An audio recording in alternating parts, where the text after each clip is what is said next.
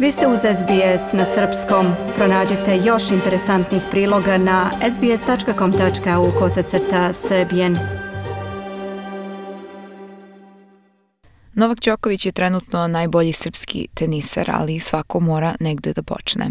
Taj novi početak i veliki potencijal se trenutno vidi kod mladog srpskog tenisera iz Novog pazara, Hamuda Međedovića, koji igra na juniorskom turniru Australian Opena.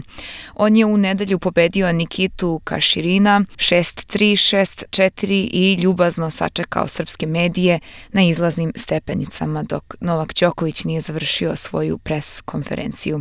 On je sa nama podelio utiske sa tog prvog meča. Uh, pa bilo je dobro, zadovoljan sam bio kako se kretao meč, počeo sam jako dobro, u drugom setu sam imao neki mali pad onako fizičke energije da kažem, malo sam pao, dva, tri gema je to potrajalo, onda sam se vratio i super se završilo na kraju. Jedan break je bio dovoljan da dobijem se.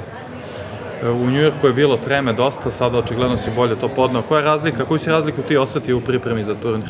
Pa znate kako, osjećao sam kod da, ko da sam nešto tako već jednom prošao, za razliku u Njujorku. U Njujorku sam bio dosta stegnut, dosta treme bilo, sad sam se onako malo bolje osjećao. Ne mogu da kažem da je bilo i sad bez treme, ali je dosta bolje bilo nego u Njujorku, zato što sam znao kao da sam tako nešto već jednom o, prošao kroz to. Međedović ima 16 godina, trenutno je rangiran 1580. u svetu. RTS je krajem 2019. snimio kratki dokumentarac o srpskom teniseru pod nazivom Sportska budućnost Srbije. Pa reči o Hamadu su rekle i njegove dve sestre i brat. Mi smo zajedno rasli, nije toliko velika razlika između nas. Četvoro jeste možda on najstari, ali opet uvek smo tu bili jedno za drugo. Njegov svaki dolazak kući posle svakog putovanja, čini mi se da on bogati na svakom polju. Svi smo tu bili podrška jedno drugome i kada je teško i kada je dobro. Gradonačelnik Novog pazara Nihat Biševac je takođe rekao da do uspeha u tenisu u Srbiji nije lako doći jer je to izuzetno skup sport i da je financijski pritisak na porodice veliki.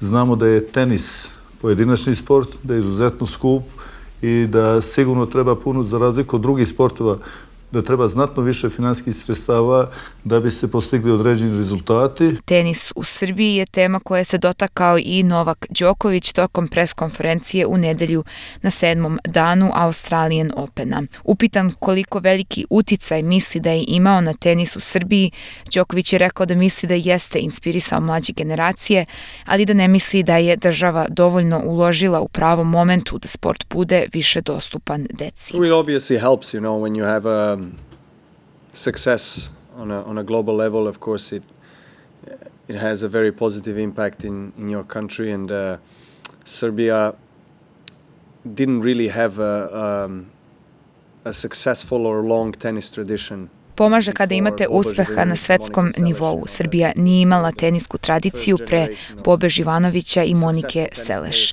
Oni su prva generacija.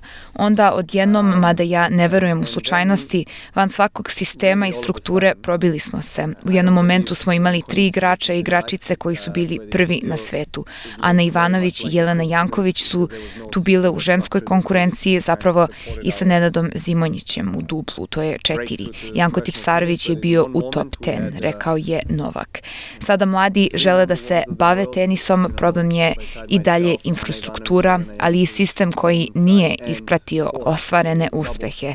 Osjećam se odgovornim da i ja radim nešto kada ne budem igrao kroz teniski klub u Beogradu da pomognem Savezu ili bilo kome ko voli tenis, da pomognemo mladima da se bave ovim sportom. Za prosečna primanja u Srbiji tenis je skup i to je realnost. Verovatno će se mladi pre opredeliti za košarku, futbal, rukomet ili odbojku. To su sportovi u kojima smo vrlo uspešni, moramo još mnogo da radimo. Umeđu vremenu Hamad se bori za svoje. On nam je rekao da je optimističan u novoj sezoni. Dosta sam se dobro spremao, imao sam oko dva i pol meseca, da kažem, tri priprema jaki u Beogradu na Topsarević akademiji. Dobro sam se spremio, počet ću sad da igram uh, Futures ove 15.000, to je ATP, to je malo da kažem profesionalnije. Malo igraću sva četiri Grand Slam, ali ove ostale ITF turnire neću igrati i ne znam, spreman sam, mislim da mogu dobro da prođem u ovoj godini. Onako da kažem, za moje godište dosta fizički sam napredniji, dosta sam visoki, imam onako dobre predispozicije, za razliku od mog godišta uglavnom i probao sam već jednom a, taj Futures u Tipsarević Akademiji prošle godine. Prošao sam prvo kolo, uzeo sam jedan bod, onda sam izgubio od Marka Milodinovića koji je kasnije osvojio. I onako gledao sam taj turnir, svako kolo sam gledao i mislim, mislim da pripadam tu i da, i da mogu tu nešto napraviti. Zato, zato smo i odlučili da, da, da se posvetimo tome malo više u ovoj godini. Dajte like, podelite, komentarišite. Pratite SBS Serbian Facebook profil.